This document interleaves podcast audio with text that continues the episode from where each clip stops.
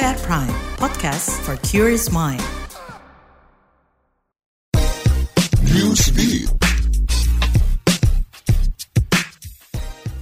Tak terbatas pada manusia, kini Thailand berikan layanan menonton film bagi hewan. Dikabarkan bioskop di Bangkok, Thailand memberikan fasilitas bagi hewan-hewan untuk masuk dan menonton film di bioskop. Pada momen pembukaan bioskop ramah hewan, banyak hewan-hewan seperti anjing yang menggunakan berbagai kostum karakter film. Pembukaan bioskop ramah hewan di Thailand didasari industri hewan peliharaan di negara ini terbesar kedua di Asia setelah Tiongkok. Ditambah selama pandemi COVID-19 terjadi peningkatan pemeliharaan hewan.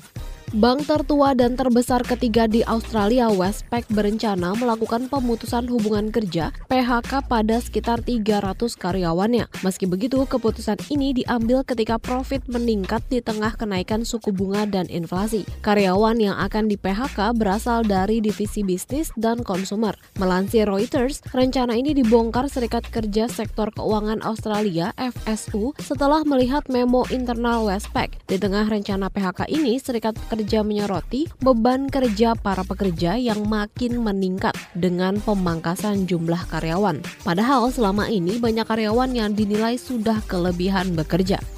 Member boyband asal Korea Selatan Jin BTS ungkap telah siapkan hadiah bagi para penggemarnya setelah selesai wajib militer. Sebelum menjalani wajib militer, diketahui Jin banyak membuat konten-konten seperti pesan untuk ARMY penggemar BTS. Tak hanya itu, di kanal YouTube BTS bersama Suga, Jin mengaku mempersiapkan alkohol untuk dibagikan pada para penggemar dan anggota BTS. Bahkan, Jin mengungkapkan sebelum wamil dirinya dengan koki populer Baek Jong Won telah mencari pabrik alkohol.